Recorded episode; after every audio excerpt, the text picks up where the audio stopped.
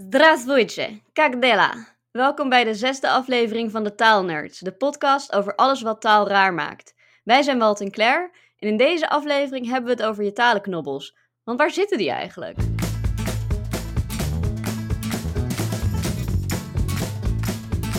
Hey Claire, Hoi. hoe gaat het met jou? Eh, ja, twee weken vakantie gehad net en Diepe zucht, diepe zucht. diepe zucht. Hij had voor mij nog wel twee weken langer mogen duren eigenlijk. En, en waarom dan?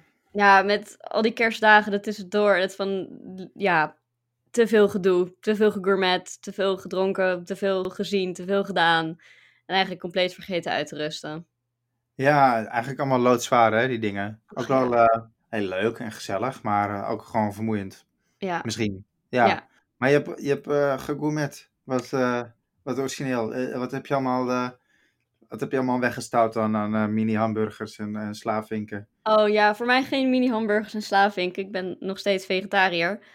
Eh, of Oh, nee. oké. Ja. Ben je vegetariër? Dat heb ik even niet, even geen paraatkennis. ja, sorry.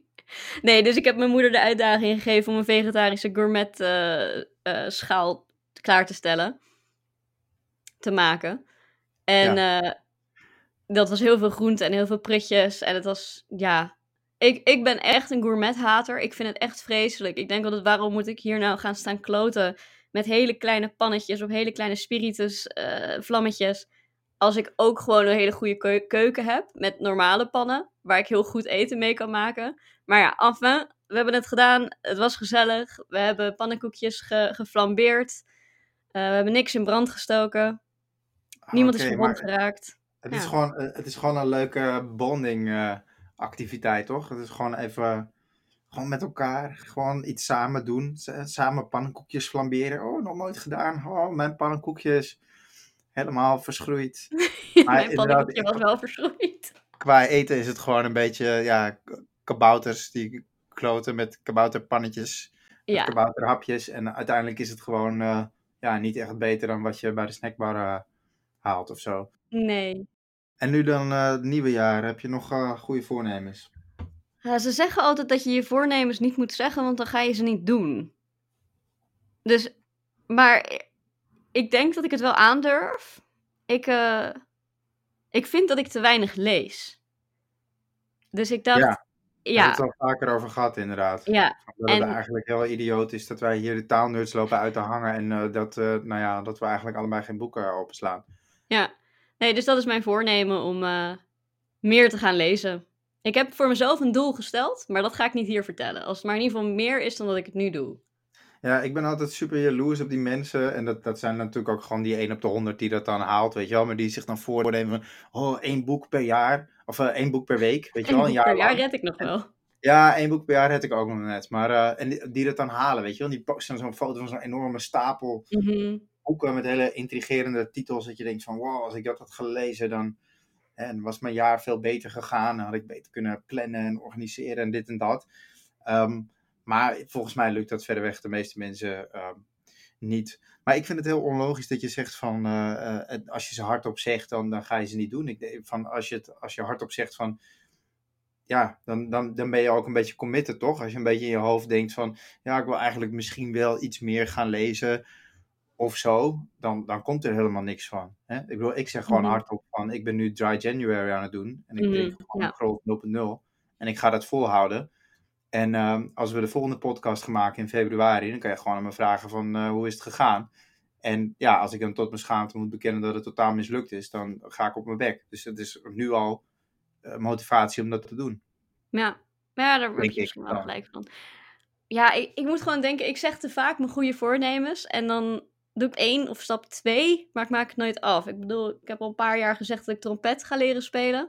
De trompet heb ik. Oh maar hij ja, ja. ook al jaren gewoon ingepakt op een kamer. Ja, ja, ja. Ja, stap 2 zou misschien zijn om hem dan uit de doos te halen. Maar zover ben je dus ook niet gekomen, begrijp ik. Mm, Ik heb hem eruit gehaald, ik heb erop geblazen. Toen dacht ik, oh, dit klinkt echt heel slecht. Ik moet echt op les hiervoor. En dat heb ik gewoon nooit gedaan. Ik had een soort van verwacht dat ik een natuurtalent bleek te zijn. En dat dit gewoon uit zichzelf zou gaan gebeuren.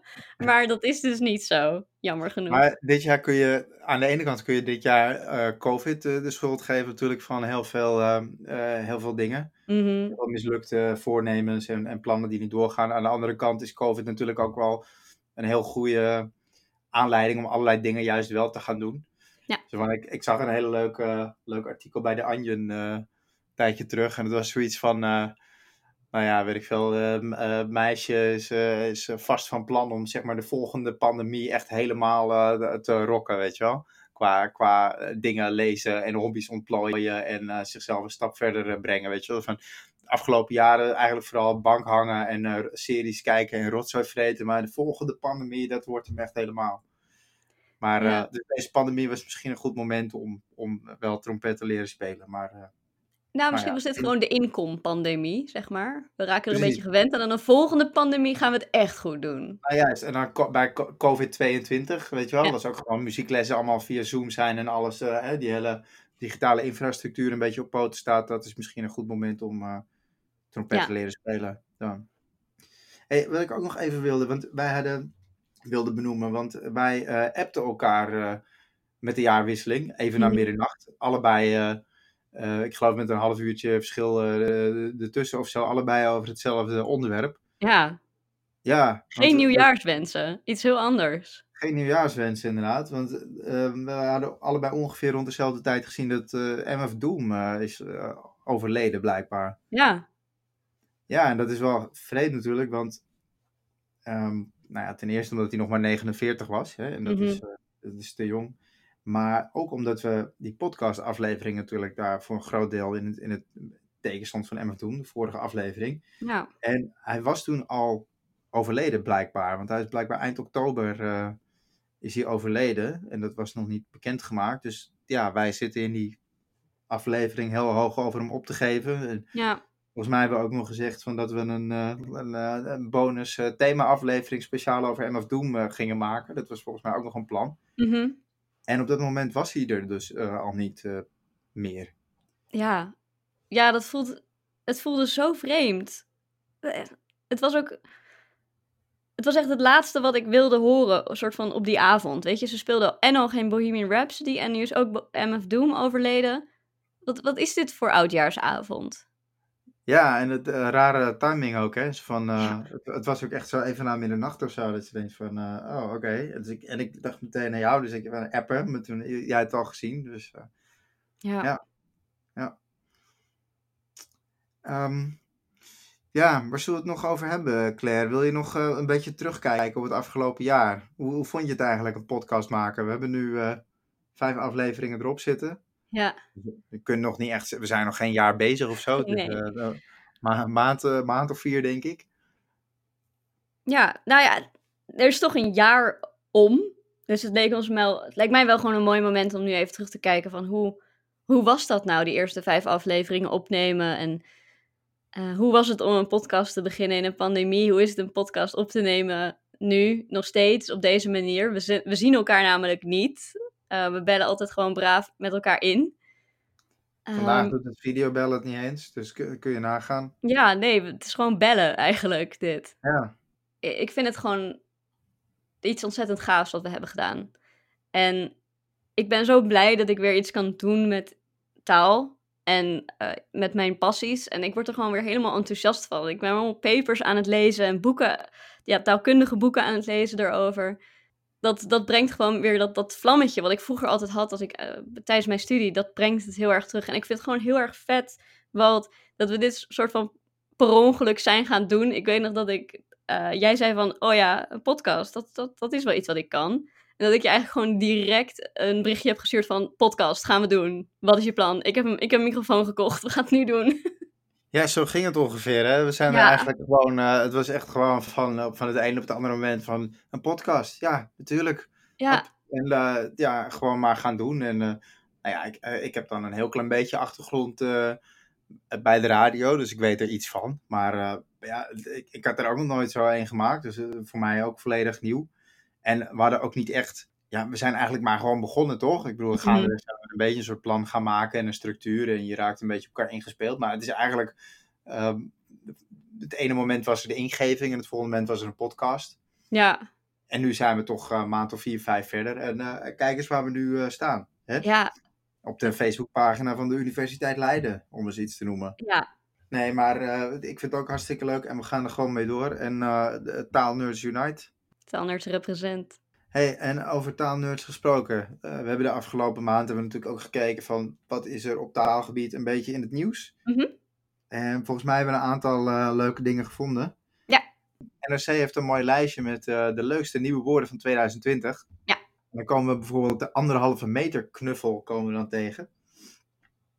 Heb jij Dat gedaan dit jaar, de an- anderhalve meter knuffel? Ja, nou, wat ik wel heb gedaan is eh, vooral een beetje in het begin, toen je een beetje, eh, zeg maar, eh, rond de eerste lockdown, weet je wel. ehm, eh, toen we het eh, nog i- iets minder nauw namen met die anderhalve meter, dat je dan even met je elleboog zo iemand eh, Mm. groet.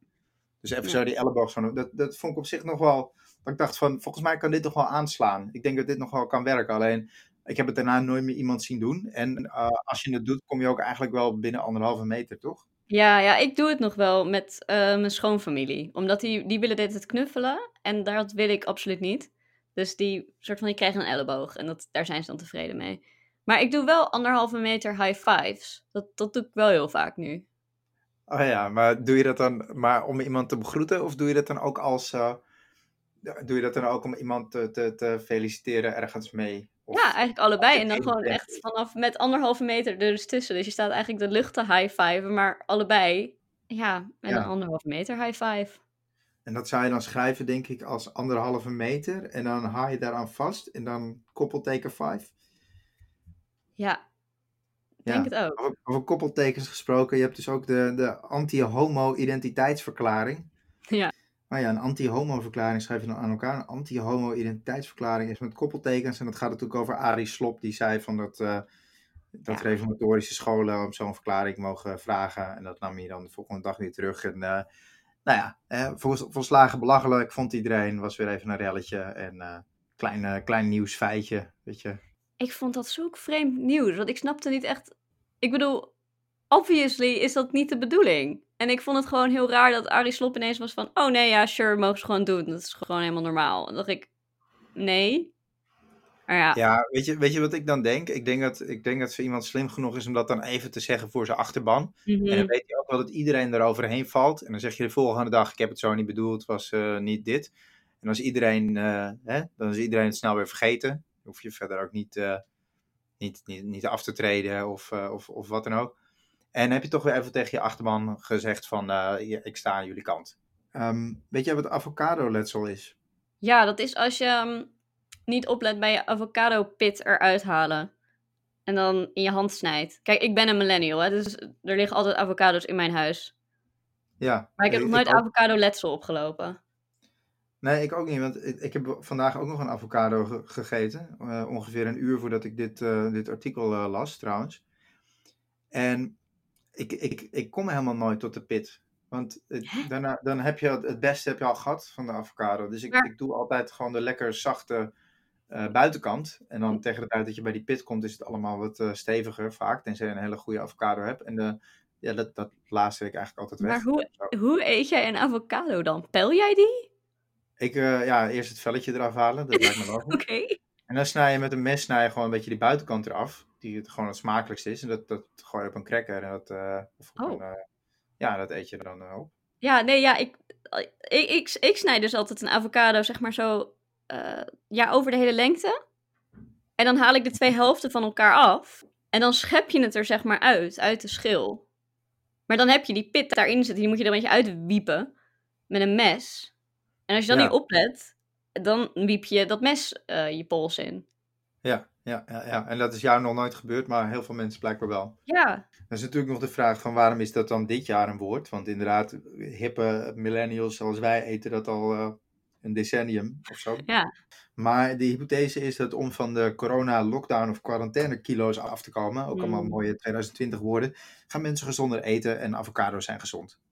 Dus eh, meer avocado's, eh avocado-letsel. ja.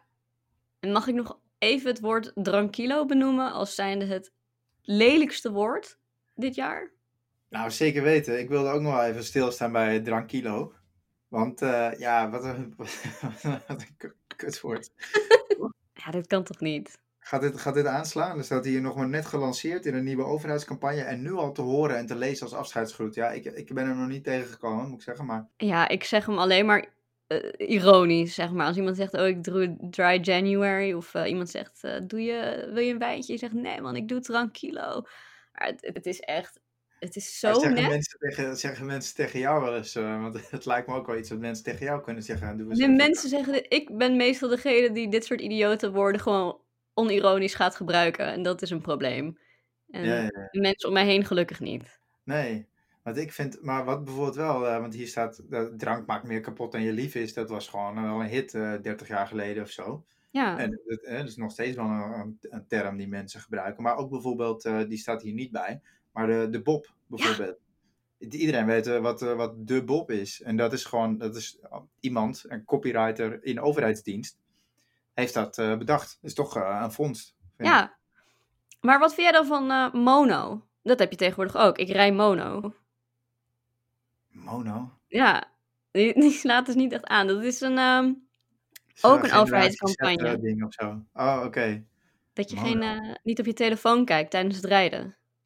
Oh, zo. Ja, ja, ja. Ja, maar het irritantste van mono vind ik, ik weet niet waar het voor staat. Like, wat is de afkorting?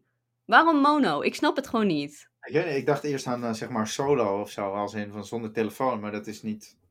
Nee. Nee. En je zou ook nog kunnen denken, je rijdt stereo, zo van, ik hoor al het geluid om me heen, want ik zit, heb niet het geluid van mijn telefoon of zo, maar dan...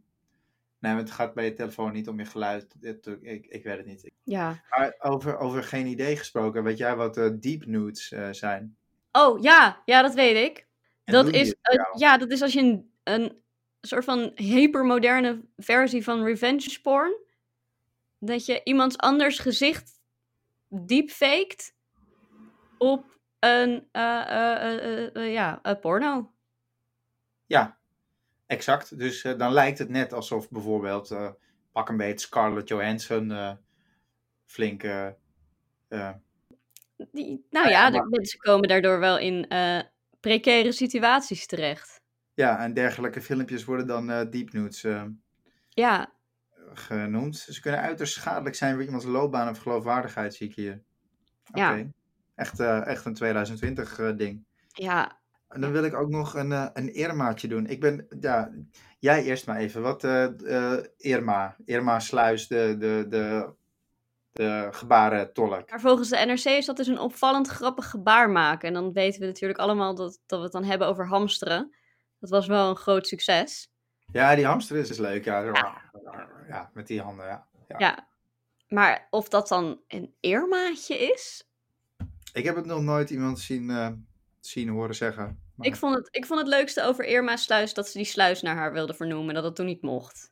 Want een sluis, hebben sluizen namen dan? Ja, kennelijk. En er was een nieuwe zeesluis bij Eemmuiden. En iedereen was zo van, oh, laten we dat dan de Irma Sluis noemen. En toen was Ja. er een- wedstrijd, dus ook kon iedereen namen indienen. En wat heeft gewonnen? Zeesluis Eemmuiden. En het is... Het ergste is, er is al een zeesluis Eemmuiden. Nul creativiteit. Ja, ja, ja, flauw. Dat soort dingen moet je gewoon eigenlijk nooit online een, een wedstrijd voor uitschrijven. Want mensen gaan daar zulke rare dingen voor indienen. Gewoon altijd. En zo wordt het gehijacked door trollen. En dan voor je het weet heb je een vreselijke naam. En dan zit je daar aan vast. En wat moet je dan? Precies, dus wij gaan nooit zeg maar aan ons publiek vragen van waar moet de volgende afleveringen over gaan. Want dan wordt het gewoon eh, deep nudes of zo. hey, en eh, voor we het vergeten, de hallo van deze week, die is dus in het Russisch. Ik probeer echt al jaren Russisch te leren. En waarom Russisch? Ik vind het gewoon een hele bijzondere taal. Het heeft van die ja, met bepaalde klanken die me heel erg intrigeren. De z's en de z's en de sh's en die hele donkere L. En echt, ik probeer dit al jaren te leren. Ik heb Duolingo gedaan. En ik heb zelfs als hele jonge taalnerd nog een soort van pre-university cursus gedaan. Slavische talen en Ruslandkunde. En het enige wat ik daar nog van weet is het liedje Oi Moros Moros. En hoe je zegt, dit is mijn visa. Oh ja, dat is wel eh, belangrijk. Ja, en voor de Ja, rest ja. kan ik niks. Oké. Ja. Nou ja, goed, ik wil het straks ook nog even hebben over hoe leer je nou makkelijk een taal. Hè? Want dat leek me wel goed aansluiten op eh de taallijke knobbel. Mhm. Je kent dus alleen uh, Maros Maros en uh, de, de visa. Ja. Wat ik ooit tegen een Rus zei, die zei, je zegt het verkeerd. Dus ik ga het niet eens herhalen. Maar wat ik wel heel cool vind, ook aan het Russisch, is dat er dus heel veel Nederlandse woorden in zitten. Um, maar dan specifiek woorden uit de scheepvaart. Weet je hoe dat komt? Nou, dat zou iets met uh, Tsaar Peter te maken kunnen hebben, denk ik. Of yes. Niet? Want waarom, wat is er met Tsaar Peter? Ja, dat weet ik allemaal niet precies. Maar je hebt in, in Zaandam heb je het Tsaar Peterhuis. En volgens mij is het Tsaar Peter, die is hier in de 17e eeuw, denk ik, is hier mm -hmm. een tijdje geweest om uh, te leren hoe je schepen moest bouwen. Ja, hij was like, um, ik wil ook wel schepen. Het lijkt me heel erg vet en dat is goed voor Rusland. Uh, dus ik ga naar het land waar ze heel veel schepen hebben en zo. En goed zijn in scheepvaart.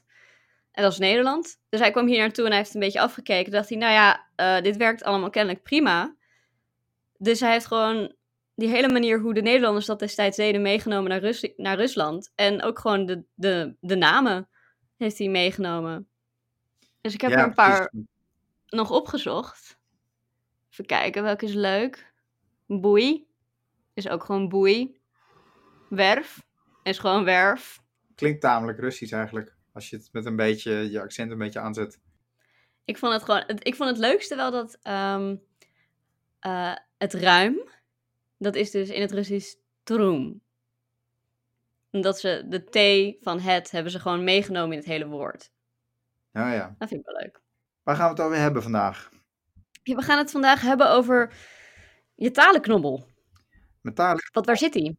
Ja, Waar zit hij? Ik weet, ik, eh, ik weet niet of ik er wel één heb. Ehm, nee, ik, het, laat ik niet, eh, geen valse bescheidenheid. Ik heb echt, wel, ik heb echt, een, echt een goede, dikke talenknobbel. Maar waar die zit, geen idee. Ja, ik...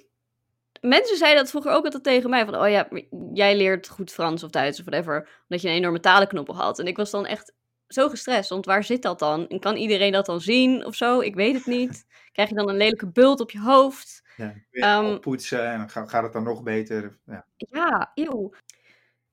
Dus, dat was Russisch. En we hadden het over onze talenknobbel.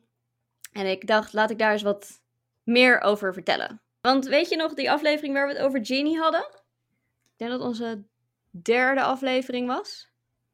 ja, de Halloween special, als Ja. ik het goed heb. Want Ja. eh, Genie was een beetje een naar eh, verhaal. Ja. Ja.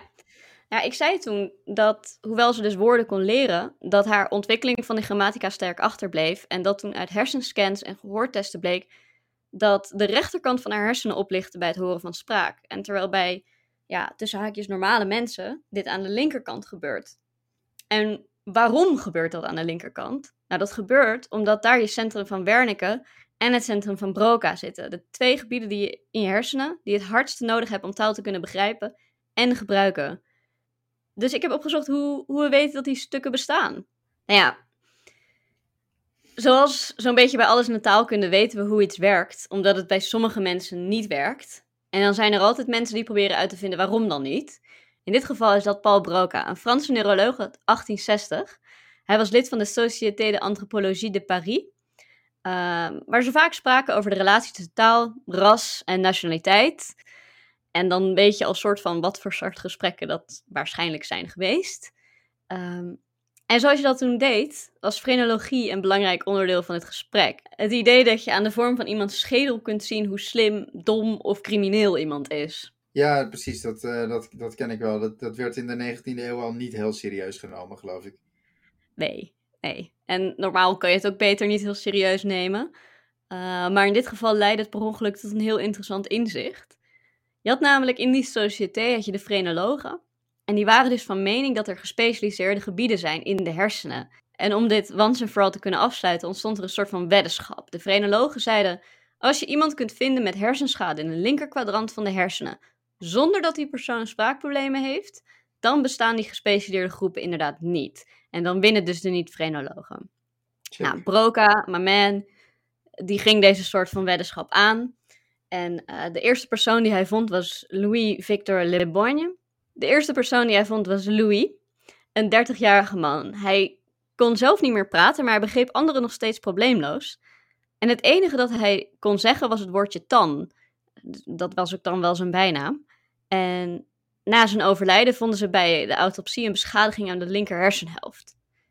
En toen ze bij een tweede man, Lazare Lelon, een man van 84 die nog maar vijf woorden kon zeggen, uh, zijn eigen naam, ja, nee, altijd en drie. Um, bij, die, bij hem vonden ze bij de autopsie een beschadiging op precies dezelfde plek als bij Louis.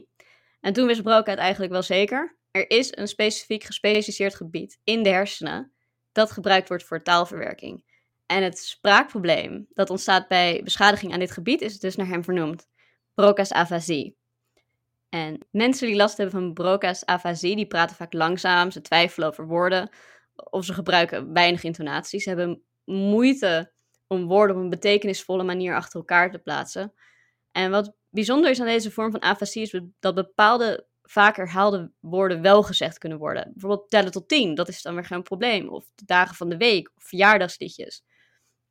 En wat ik daar dan heel bijzonder en interessant aan vind, is dat daaruit blijkt dat je dit soort sequenties of herhalingen ergens anders opslaat in je hersenen dan in je talencentrum. Het is dus niet dat je 1, 2, 3, 4, 5, 6, 7, 8, 9, 10, uh, dat het elke keer een nieuw iets is. Je hebt dat op een gegeven moment gewoon opgeslagen als één item waar je heel makkelijk bij kan. Ja. Omdat je dat van jongs af aan heel vaak herhaalt. En het vervelende is dat mensen met Broca's afasie zich heel erg ervan bewust zijn dat ze niet meer kunnen praten. Een paar jaar later volgde Carl Wernicke. Hij ziet dat mensen met hersenschade in het gebied aan de linkerkant, maar iets meer naar achteren dan bij Broca, uh, ook een vorm van spraakproblemen hebben. Maar in tegenstelling tot Broca's patiënten hebben Wernicke's patiënten niet het probleem dat ze geen woorden meer kennen. Ze hebben nog steeds een hele rijke woordenschat, alleen zijn hun zinnen wel complete onzin. En het vreemde is dat mensen met deze vorm van afasie andermans vragen ook niet meer lijken te kunnen begrijpen. En het lijkt dus dat het gebied van Broca heel erg wordt gebruikt voor taalproductie, terwijl het gebied van Wernicke wordt gebruikt voor taalbegrip. En wil je dus goed spreken, dan heb je beide gebieden nodig. Uh, stel je voor dat je een woord wil herhalen wat je hoort, dan moet je eerst die informatie verwerken in het gebied van Wernicke, zodat je begrijpt wat je hoort, om het vervolgens door te sturen naar het gebied van Broca, zodat je het kunt zeggen. Ja, dus eigenlijk hebben we twee talenknobbels, zou je kunnen zeggen. Die ja. iedereen iets anders doen en met elkaar samenwerken. Ja, ja eigenlijk wel. Zijn de gebieden van Broca en Wernicke dan de enige twee gebieden die je nodig hebt voor taalverwerking? Nee. Uh, je gebruikt ook je rechter hersenhelft. Er zijn andere gedeelten van je hersenen die ook een actieve rol spelen in je taalverwerking. En als je kijkt hoe taal wordt verwerkt in de hersenen, dan zijn daar veel meer uh, pathways dan alleen maar die, die ene van Wernicke naar Broca. Dus we weten nog niet heel precies volgens mij hoe taal in de hersenen werkt. Maar we weten in ieder geval dat dit, die twee gebieden een enorm belangrijke rol spelen. Check. En uh, waar zitten die gebieden eigenlijk precies? Want we begonnen natuurlijk, ja. uh, de hele probleemstelling was uh, waar zit je talenknobbel? En dan wil ik eigenlijk nog wel even weten waar in de hersenen ik die, die centra dan kan vinden. Ja, ze zitten aan de linkerkant van je hersenen. En Broca ja. zit iets meer voorin. En Wernicke zit iets meer achterin. Oké dan. Nou, misschien een mooi moment om het ook over het, uh, het wat praktischere deel uh, te hebben. Hoe leer je eigenlijk een nieuwe taal? En nou ja, los van uh, aangeboren talent of een, misschien een schrijnend gebrek daaraan, is het ook gewoon belangrijk dat je het leren van de taal op een goede manier aanpakt. En er is best wel wat onderzoek gedaan naar wat daar de beste methoden voor zijn. En waar eigenlijk iedereen het wel over eens is, is dat echt de beste manier om een nieuwe taal te leren is om je helemaal onder te dompelen in de plek waar die nieuwe taal gesproken mm. wordt.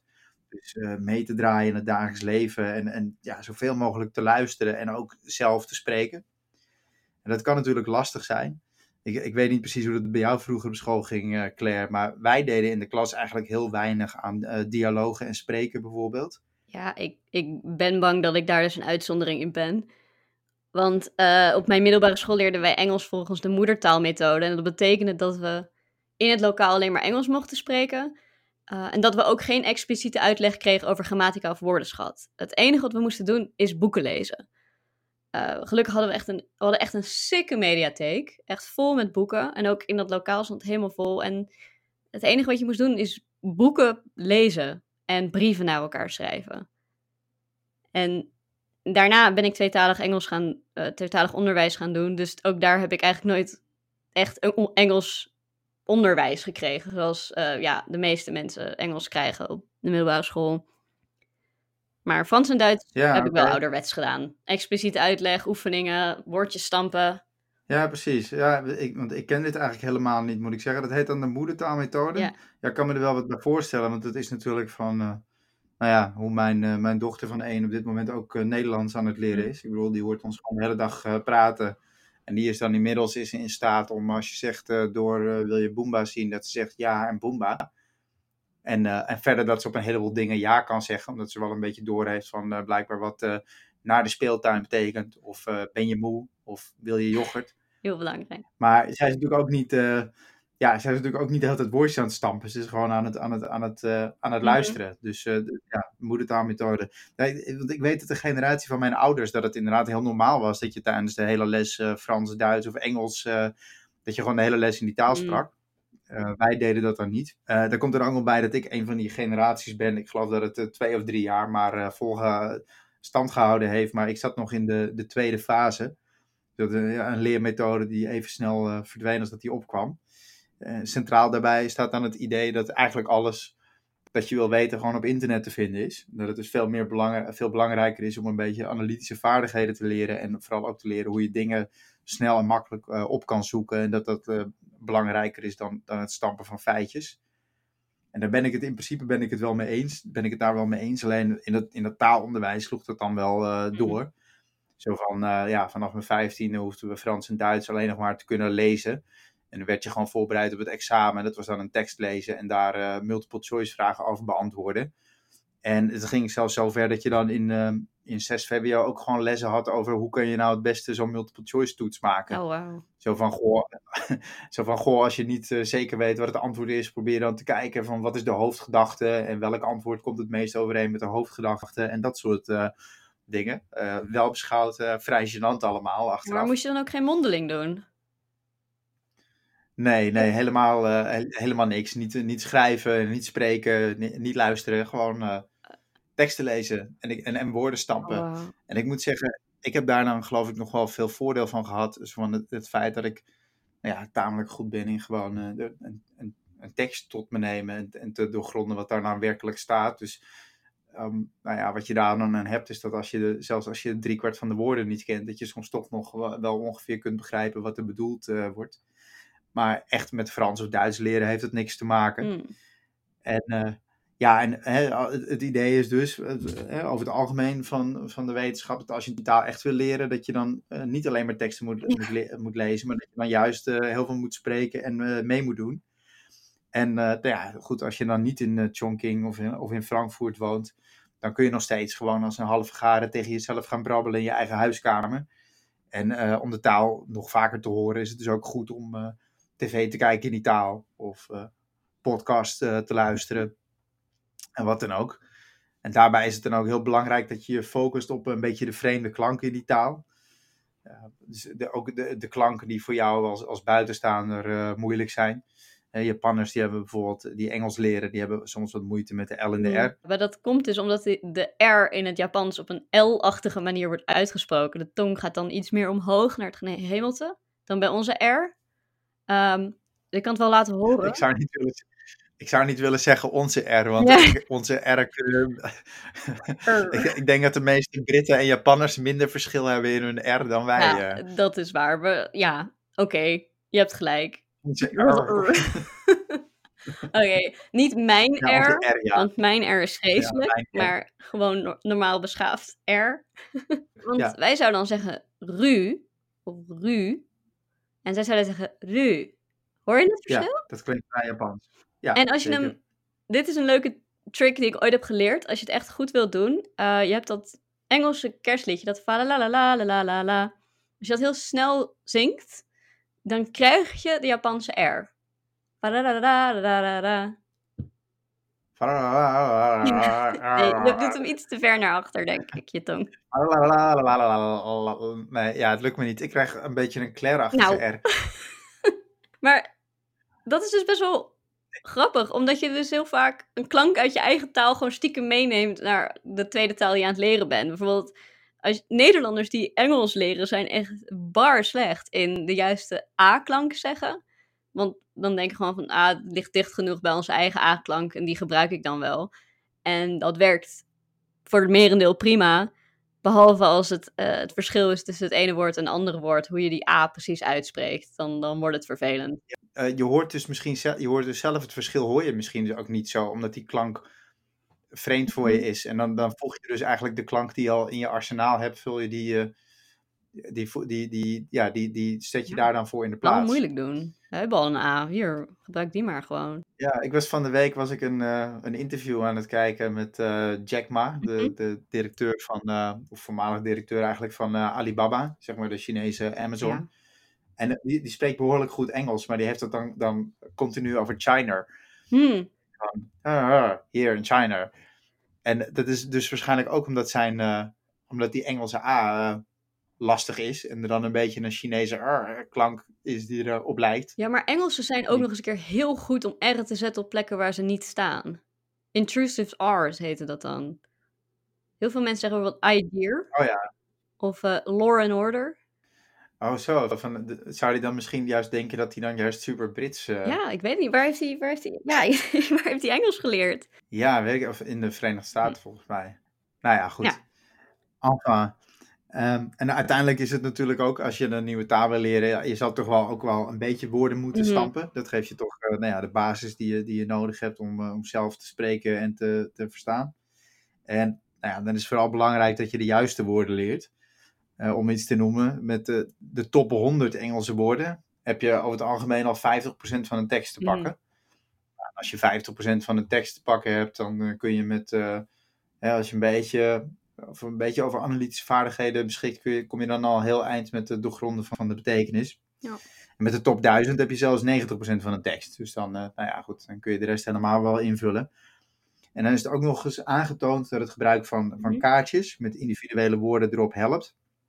Dus uh, je kunt als je een nieuwe taal leert, kun je zelf kaartjes maken met uh, nou, in ieder geval die top 100 om eens mee te beginnen en daar dan lekker mee te oefenen. En is het ook nog belangrijk dat je rekening houdt met de termijn waarop je die woorden herhaalt. Ja. Eh, die moet je namelijk steeds verlengen. Dus in het begin, als je een nieuw woord leert, zeg maar de eerste sessie, dan laat je dat woord meerdere keren terugkomen in die sessie. Als je het al eenmaal hebt gehad, dan doe je het dus pas weer uh, de volgende keer. Dus dan, dan, laat je het één keer terugkomen in een, in een sessie dat je aan het leren bent. Uh, laat je één keer het woord langskomen. En als je het gevoel hebt dat je het eenmaal beheerst, dan kan er best een paar keer uh, tussen zitten. En dan eh, komt dat woord opeens weer uh, terug. Dus, um, en dat noem je dan gespreid leren of gespreide herhaling.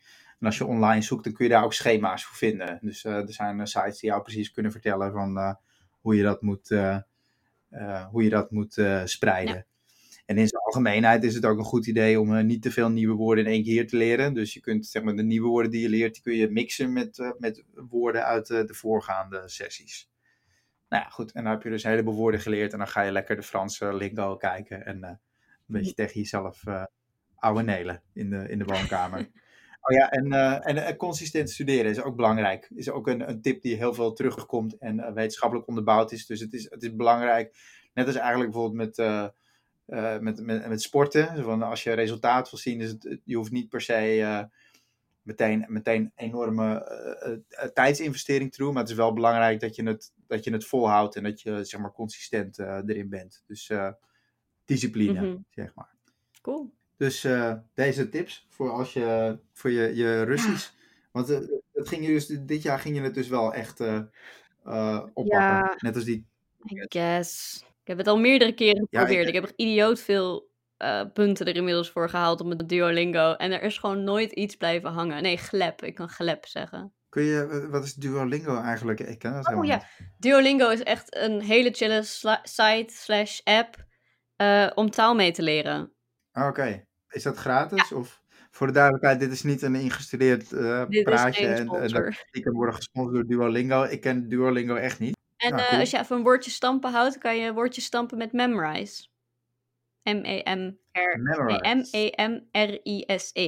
Oké, en, dat, en dat, zijn, uh, dat is een, uh, ook een site ja, of een app? dan kun je kaartjes draaien en zo. Oh, oké. Ja. Ah, En cool. nog een interessante wel tip, die heb ik wel eens gezien eh, van een, een vriendin die Koreaans aan het leren was. Die had gewoon in haar hele huis overal stickers hangen met de Koreaanse woorden op het ding van wat het was. Dus op, op, Oh, dat op de mok stond het Koreaanse woord voor mok. En op de deur stond het Koreaanse woord voor deur. Je kan er ook echt ver mee gaan en het gewoon echt op alles in je koelkast ook plakken, bijvoorbeeld. Dat je gewoon echt. Je kunt, je kunt zo. eh, ja, je hebt zo die, die duizend woorden te pakken. Denk ik. Ja, ja, ja. Oh nee, want het zijn allemaal zelfstandig nawoorden natuurlijk. Maar ja, goed, je, je, komt, Ja. eh, je komt er heel Ja, eind waarschijnlijk met wat je in je Ik deed vroeger bijvoorbeeld rijtjes stampen. Bijvoorbeeld eh, Duitse rijtjes, der die das en dat soort dingetjes. Die deed ik altijd, hing ik op op de wc. En dan elke keer als ik naar de wc ging, dan moest ik die rijtjes opzeggen. En daarmee eh, zijn we aan het einde gekomen van deze aflevering. En eh, deze eerste aflevering van 2021. En volgende maand zijn we uiteraard terug met een, eh, een nieuwe hallo en een heel nieuw taalonderwerp. Voor nu, Claire, hoe nemen we afscheid? Dos vidania. Dos vidania. allebei. Oké, één keer samen. Eén, twee. Dos vidania. Vidania. Vind je ons nou cool? Dan kun je ons nu ook steunen. Dat doe je via petje af slash taalnerds. Je kunt dan een kleine donatie doen en zo zorg je ervoor dat we ook weer een volgende aflevering kunnen maken. Daarnaast kun je ons natuurlijk gewoon ook altijd vinden op Twitter en Instagram. En heb je een taalvraag of suggestie, hit us up via taalnerds@gmail.com.